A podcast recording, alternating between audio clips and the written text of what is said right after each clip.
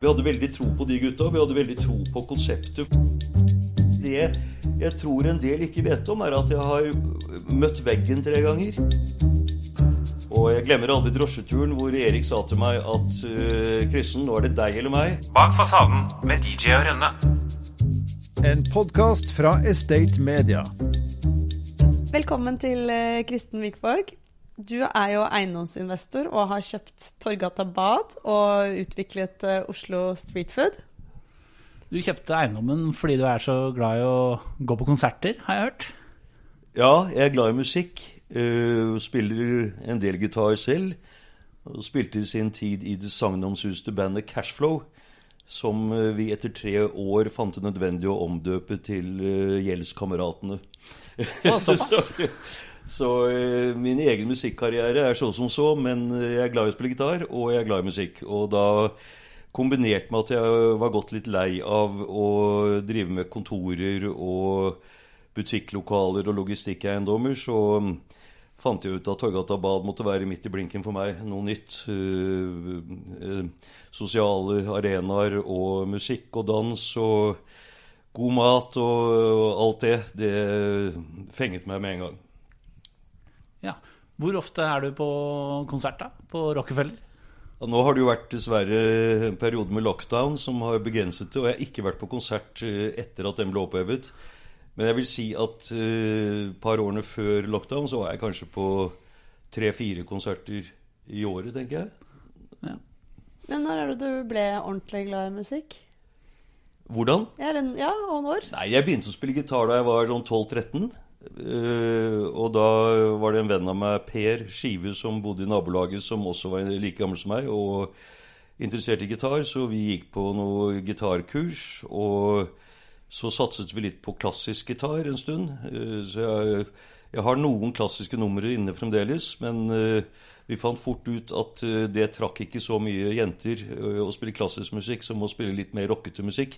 Så vi gikk over til å spille mer fengende uh, rytmer enn klassiske, vakre sonater. så, så, det hjalp på, på draget? Da kom ja, klart. Helt klart. Da Wenche Foss døde i 2011, så leste jeg at du hadde skrevet noen ord til henne. Da hadde du skrevet at takk for at du alltid holdt fanen høyest for medmenneskelighet. Og da tenkte jeg, hva er det hun betydde for deg? Nei, Wenche uh, Foss, ikke sant. Ja. Uh, hennes sønn Fabian er en god venn av meg.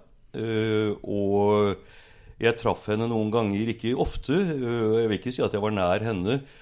men jeg hadde en biltur til, med henne et par år før hun døde, opp til Mårud gård. hvor, som Stang-familien, som hun jo var gift inn i, har. Og da var det bare hun og meg i bilen og sjåføren. hennes sjåfør. og da hadde vi en veldig hyggelig times biltur som jeg egentlig aldri glemmer. Og koblet med det jeg har lest, og det Fabian har fortalt, så har jeg alltid oppfattet Wenche som et menneske som i stor grad har brydd seg om sine medmennesker.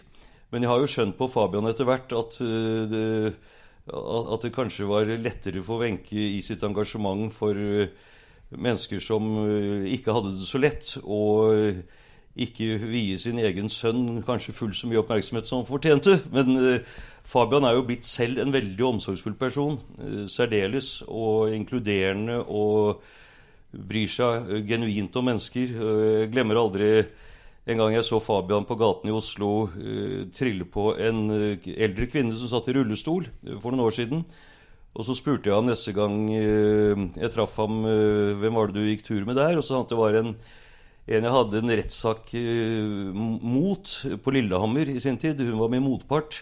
Men jeg ble så begeistret for henne, og siden har vi vært venner. Og når hun er en tur i Oslo, så triller vi en tur rundt i byen sammen.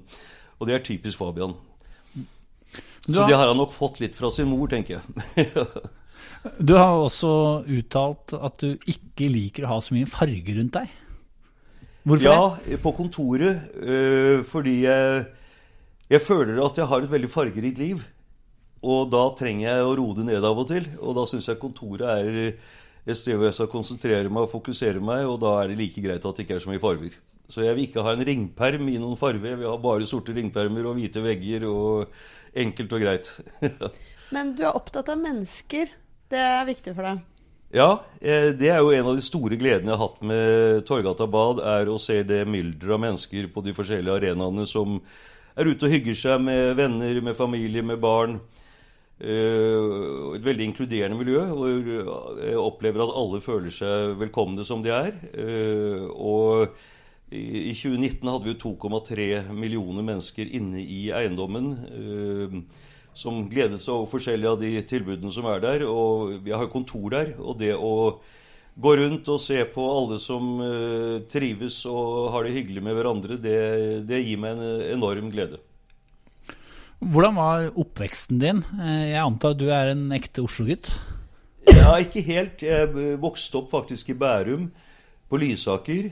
Um, i eh, det huset som Frida Dansen bygget til sin datter Liv ved siden av Polhøgda. Eh, et lite eh, hva skal man si, område omgitt av store veier, hvor det den gang bodde relativt få mennesker, så det var et litt snevert miljø. Typisk store hus og store hager, og ikke så veldig spennende sosialt. Og så, da jeg var ferdig Eh, med videregående så flyttet jeg hjemmefra, og flyttet vel ikke hjem igjen. Eh, men jeg vokste opp i Bærum, og så har det vært Oslo siden. Mm. Og nå Sørkedalen, hvor jeg er bonde. ja, for det må jo sies å være ekstremt landlig eh, sted. Hvorfor bor du der? Jeg tror det er noe av det samme som hvorfor jeg foretrekker å ha det nokså fargeløst på kontoret, er at, at livet mitt er fargerikt og hektisk. Og da finner jeg enorm ro når jeg kommer inn i Sørkedalen. Så jeg kjører forbi de portneboligene inn i Sørkedalen, som er de gamle portneboligene fra Bogstad hovedgård, så er det uansett hvilke ting jeg måtte ha på skuldrene av byrder og bekymringer, de, de faller av eh, når jeg kjører inn i Sørkedalen og finner den roen, eh, naturen, dyrene og, og det som er der. Bruker du naturen mye? Ikke så mye som jeg skulle ønske, og ikke så mye som min kone syns jeg burde. Hun er veldig flink, Camilla, til å bruke naturen rundt der. På turer både om vinteren og sommeren. Eh, jeg gjør det med glede, men eh, i for liten grad. Men jeg, som jeg alltid har håpet i livet, at jeg skal få mer tid neste år. da er det høyt på prioriteringslisten å være mer ute i naturen der. Men jeg har jaktet en del i området. Blant annet så Eh, det var ganske morsomt. så eh, Denne gårdstunet jeg bor på, hadde en del skog i gamle dager som kommunen fikk i gave fra Mimmi, som jeg kjøpte Søndre Tangen av. Og så leiet jeg den skogen tilbake fra kommunen. Og et år skjøt jeg tre elg og dro inn på tunet på Søndre Tangen og slaktet og ja, flådde først og slaktet og pakket og gjorde hele jobben. Og det var veldig morsomt å ha gjort det på Søndre Tangen, men det var så mye arbeid. Det tok meg 14 dager at jeg har ikke gjentatt det. Brekkhus advokatfirma rådgir norske og internasjonale kunder innen en rekke sektorer. Våre eiendomsadvokater kjenner eiendomsbransjens muligheter og utfordringer, og bistår ulike aktører i utviklingsprosjekter, transaksjoner, megling, utleie og tvisteløsning.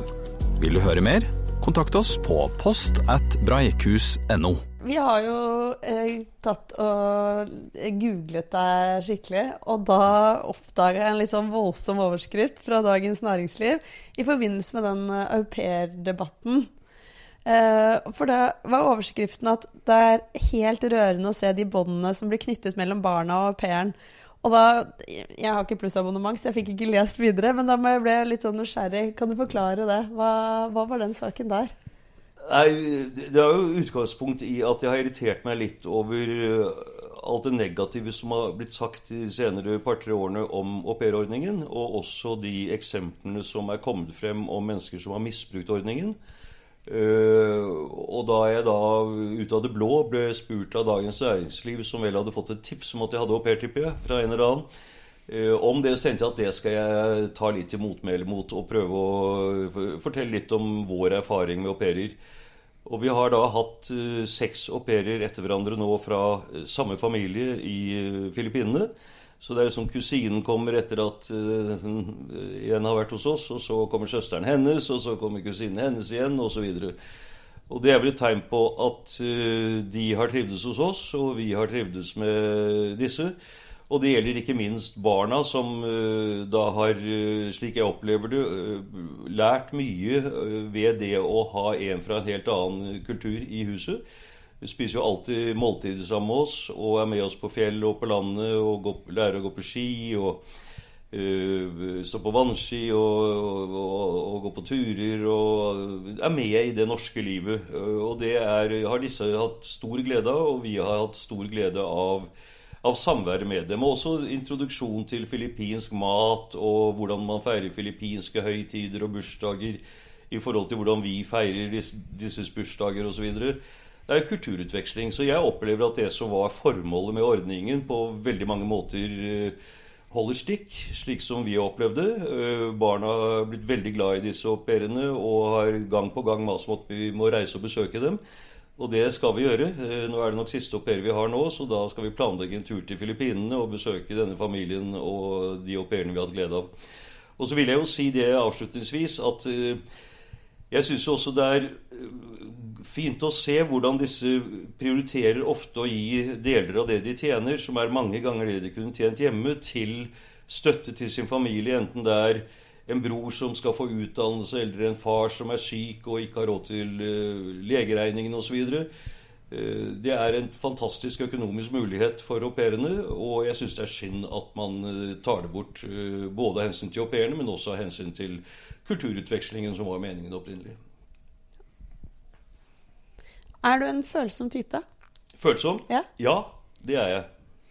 Det er jeg absolutt. Eh, Jeg kan eh, fort gråte av en film som betar meg, eller et vakkert eh, ballettforestilling, og jeg syns det er så vakkert at jeg må ty til tårene.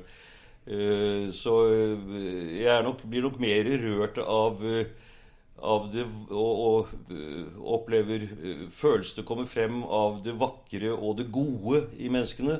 Jeg leser om eller hører om gode, ordentlig gode handlinger som er egentlig unødvendig, med mennesker som bryr seg, sånn som Fabian og Wenche, og, og tar hensyn og ser at folk kanskje trenger en hjelpende hånd. eh, Eller oppmerksomhet og en tilstedeværelse, så øh, syns jeg det er de appellerer til følelsene mine. Og da mobiliseres de. Du har, hatt, har en ganske tradisjonell næringslivsbakgrunn, med økonomistudier fra Harvard, og du har vel jobba i City i London.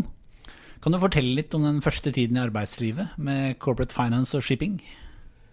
Ja, det, jeg begynte jo med Kinsey etter Harvard, øh, og var der i, i tre-fire år. I, I McKinsey var da første jobben min etter at jeg var ferdig med studiene. Og det var på mange måter en videreutdannelse, øh, så jeg McKinsey som en måte å praktisere det jeg hadde lært på business school. Eh, og så begynte jeg etter det å jobbe med etableringen av Medenor, et eh, privat eh, foretak innen helsesektoren. Jeg skal ikke gå mer inn på det nå, men det var en spennende periode. Og så begynte jeg med finans først. eh, Kom vel det inn ved at jeg satt i styret i Fearnley Group i noen år. Og så spurte Hans Rasmus Astrup meg om jeg kunne tenke meg å begynne fulltid, og så gjorde jeg det da for Fearnley i London. Uh, var der i tre år, men så røk jeg uklar med Erik Heidenreich, som da ledet shippingavdelingen i uh, Fearnley. Og jeg glemmer aldri drosjeturen hvor Erik sa til meg at uh, Kristen, nå er det deg eller meg. Og jeg vet at Hans Rasmus setter stor pris på, på deg, men det gjør han på meg òg. Og jeg har vært her mye lenger enn deg, men nå er det deg eller meg. Og da sluttet jeg i Fearnley. Uh, og siden har jeg takket Erik mange ganger for den kjøreturen. For det fikk meg da i gang på egen hånd. Så startet jeg da min egen corporate finance innen shipping i London. Og hadde fire ansatte og tjente ikke en krone på to år. Og da eh, ble jeg samtidig skilt og eh, fant meg ettroms leilighet i en mindre attraktiv del av London. Og hadde far på besøk som eh, jeg husker da barberte seg sammen med meg i kaldt vann, for jeg syntes ikke jeg hadde råd til en sånn gassnøkkel som man måtte betale 20 pund for.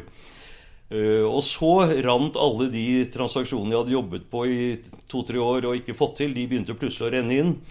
Og da begynte pengene også å renne inn. Så da eh, kom jeg meg opp igjen. Og så etter hvert så bestemte jeg meg da for å dra tilbake til Norge, og da begynne med jobbe med eiendom fremfor shipping, fordi jeg likte kapitalintensiv industri. Men uh, mitt følsomme og litt risikounngående uh, temperament tilsa meg at shipping var for risikabelt og for kapitalkrevende.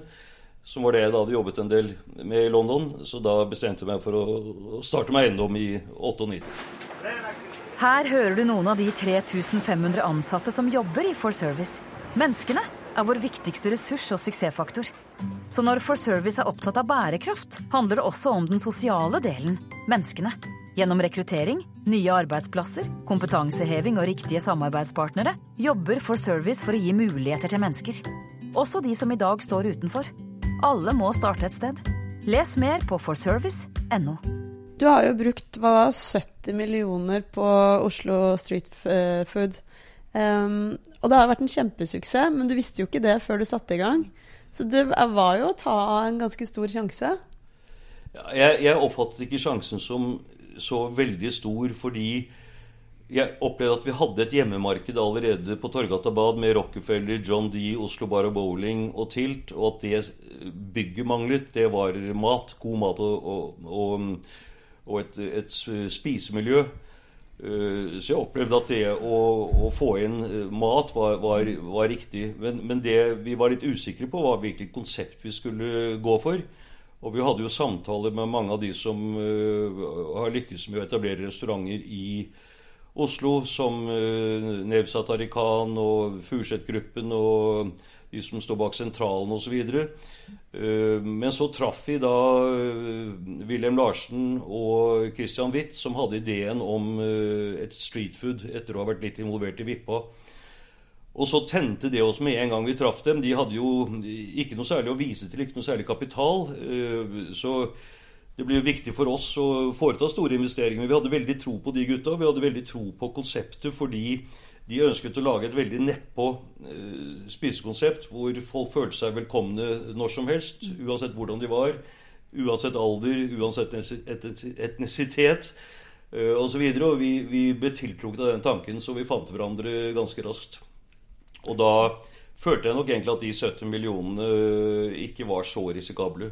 Eh, er det mange flinke utelivsgründere i, Norge og Oslo? Veldig mange.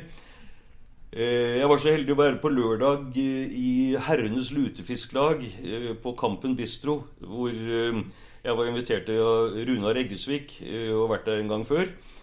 Og det er jo typisk en samling av mange av de utelivsgründerne som har fungert i Oslo og bidratt til å skape byens mer levende profil i de senere årene. Og de to gangene jeg har vært der, så har jeg jo sittet med litt forskjellige folk, og jeg blir hver gang slått av, og også truffet mange av disse andre sammenhenger, av hvor fine folk det er.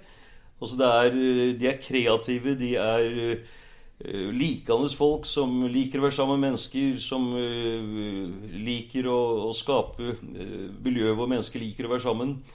og de har jo ofte en variert bakgrunn. som jeg satt bl.a. nå på lørdag ved siden av Jon Karlsrud som eh, vel er professor innen utenrikspolitikk og jobber i NUPI. Og ved siden av er han 20% medeier i TILT og har vært med fra starten til på Torgata Bad. Og har vært med på andre utelivssteder også. Eh, mange spennende mennesker. Og jeg vil jo fremheve kanskje Runar Eggesvik, som da inviterte meg på, disse lutefisksamlingene. Han er jo etter min mening helt unik ved alt han har fått til. Jeg skal ikke ramse opp alle stedene, for det kjenner de fleste til. men det jeg vil fremheve, er da jeg kom inn i bransjen på en måte for ti år siden, da vi kjøpte Torgata Bad, så kjente jeg jo ikke egentlig utelivsmiljøet i Norge noe særlig. Eh, for jeg har ikke vært en sånn utelivskonge selv.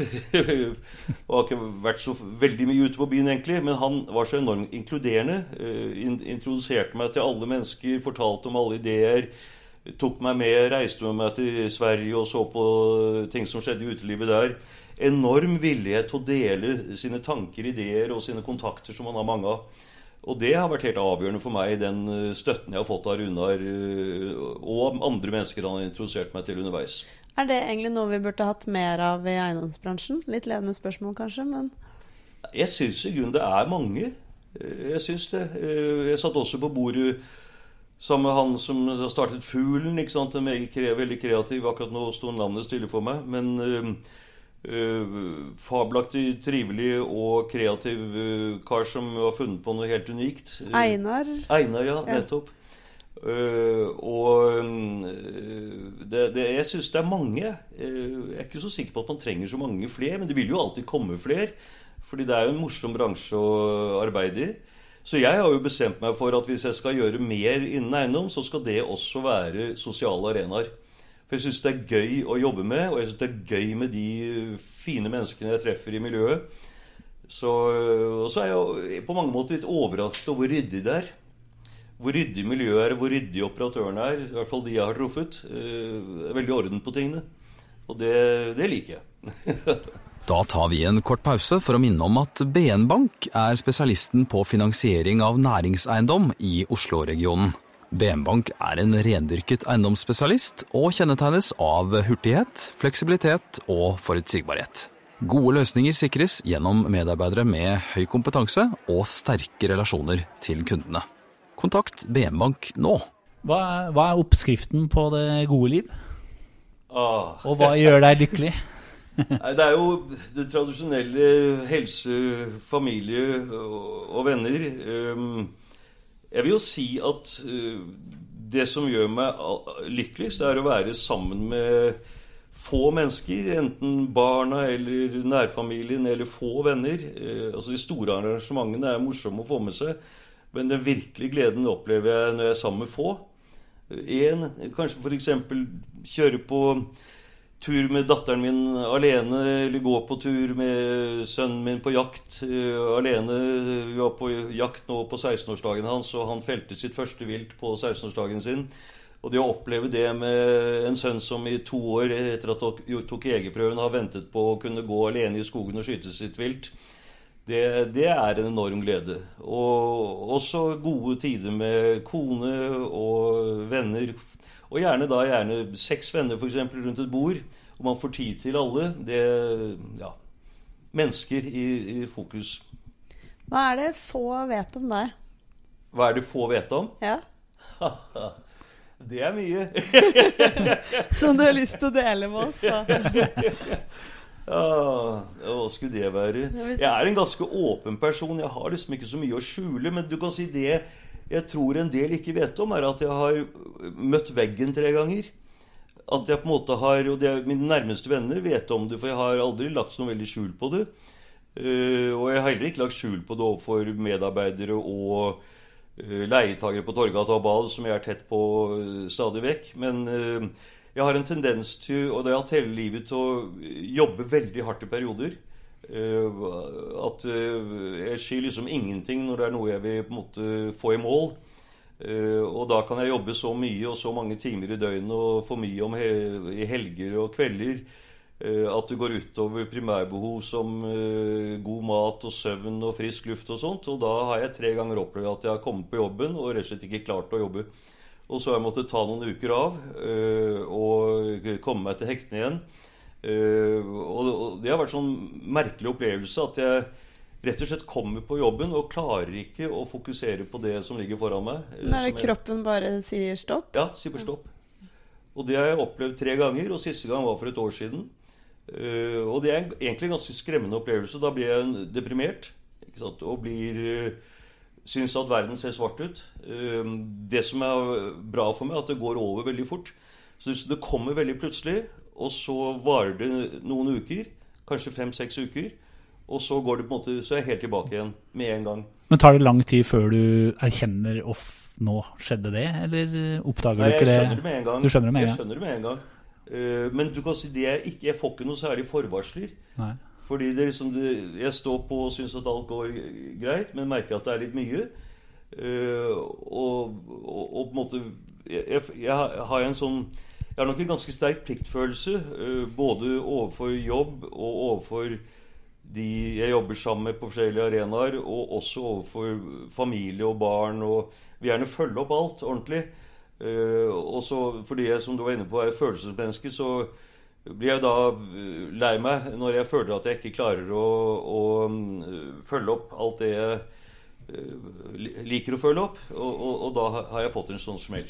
Men prøver du å forebygge det nå, eller er du litt sånn Ok, når du reiser deg opp igjen og energien er tilbake, så bare gønner du på igjen, og så skjer det samme om noen år igjen? Jeg er redd for at det kan skje igjen. Ja. Um, jeg, for jeg har jo prøvd hver gang å forebygge det litt. Um, men det er noe med at når tiden går, og du uh, føler deg vel, og du syns det er kjempegøy det du jobber med, og du syns det er herlig alt man opplever med barn og familie og venner og sånn, så jeg er nok litt mye et ja-menneske. At jeg har kanskje lyst til å få med meg litt mer enn det jeg egentlig har, har overskudd til. Så, men så gir det meg så mye glede også. Eh, Så jeg klarer ikke helt å si at jeg er sikker på at jeg ikke kommer til å oppleve det igjen. Men, Men jeg syns det er greit. Jeg, jeg syns på en måte at nedturen jeg har hatt i livet eh, Ja, for lærer du noe av det, tenker jeg? Hva tenker du da når du må ta deg helt fri og du må roe litt sånn ned? Får du noe ut av det? Ja, jeg, jeg er veldig god til å slappe av veldig når jeg gjør det. Eh, det opplever jeg altså. Jeg tar jo fulle ferier, og da legger jeg alt arbeid helt bort. Sant? Vinterferie, høstferie, påskeferie, juleferie, sommerferie. Eh, tar fulle ferier og legger alt bort. Og da er jeg nok ofte litt sliten før feriene, og så kommer jeg meg fint, og så har jeg det eh, topp etterpå. Um, så jeg har vel aldri egentlig latt eh, arbeidet gå på bekostning av, ferier. Um, hvor ferie med familien der i høysetet. Um, men jeg, jeg kan ikke si at jeg lærer så mye av det, fordi da hadde jeg kanskje unngått de siste to gangene. så, Alle gode ting er tre, så vi ja, se. Ja, vi får håpe det, egentlig. For det er ikke noe vits. Det er ikke noe jeg satser på, liksom, å, å få en sånn nedtur til. Det er det ikke. eh, når du står på plassen foran Torgata bad og ser på det bygget, hva tenker du da? Jeg tenker at det er et nydelig bygg, og så tenker jeg at det er fylt med mye glede. eh, Og at det gleder meg. Eh, Så jeg, jeg har et lite smil rundt munnen hver gang jeg ser på Torgata Bad, særlig fra litt avstand. Men hva blir ditt neste store prosjekt nå? Jeg å jeg hadde lyst til å kjøpe Deichman, og vi la ned et kjempearbeid eh, med Melby Arkitektur og Interiør og Big, eh, Bjarte Engels Group i Danmark, og syntes vi hadde et fabelaktig konsept. Veldig gjennomarbeidet uh, for bygget. Men med en takst på i underkant av 60 millioner, og da det gikk for 243 millioner, så var det eh, helt utenfor min rekkevidde. Så det ble altfor dyrt, og det var jeg litt lei for. For Deichman hadde vært en fantastisk morsom eh, oppfølger til Torgata Bad. Og så prøvde jeg på St. Olavs gate 32. Det hadde en guiding fra Akershus Eiendom på 200 millioner og gikk for rundt 350. Det var samme historie. Det hadde vært en fantastisk morsom eiendom, men ble for dyr for meg. Hva, Så- unnskyld, eh, hva tenker du om det offentlige og hvordan de håndterer eiendommene sine? Eller har håndtert eiendommene sine? Ah, da tenker jeg med en gang på to ting. Det ene er kirkeristen, som står og forfaller. eh, og som Janne Wilberg, eh, byantikvaren, har vel vært ute nå de siste par dagene og, og snakket om at der må det et skikkelig løft til. Og det skulle jeg gjerne ha gjort. eh, men jeg er redd for at jeg ikke får kjøpt det. Ja. Og så tenker jeg på en annen ting, og det er eh, veien inn til der jeg bor i Sørkedalen. Der står det to gamle skog, eh, skogsarbeiderhytter. Som eh, veldig enkle og veldig i utgangspunktet fine skogsarbeiderhytter. Og de står og forfaller fullstendig. Og jeg i løpet av de siste 15 årene to ganger hørte om jeg kunne kjøpe dem eller leie dem og sette dem i stand. Og de har sagt at de tar henvendelsen til ad notam, men jeg har aldri hørt noe mer. Og de står bare og forfaller og forfaller. Og sånn syns jeg er trist. Eh, Jeg tror nok at kommunen tar vare på en rekke eiendommer bra, men det er nok altfor mange de ikke tar godt nok vare på. Og da syns jeg kanskje de heller skulle selge det til private i enda større grad, og sånn at vi kan få muligheten til å sette i stand enten kirkeristen og eller disse to skogeierhyttene. Eller skogarbeiderhyttene. Høres ut som ditt nett, neste prosjekt. Ja, kanskje. Bak fasaden med DJ og Rønne. En podkast fra Estate Media.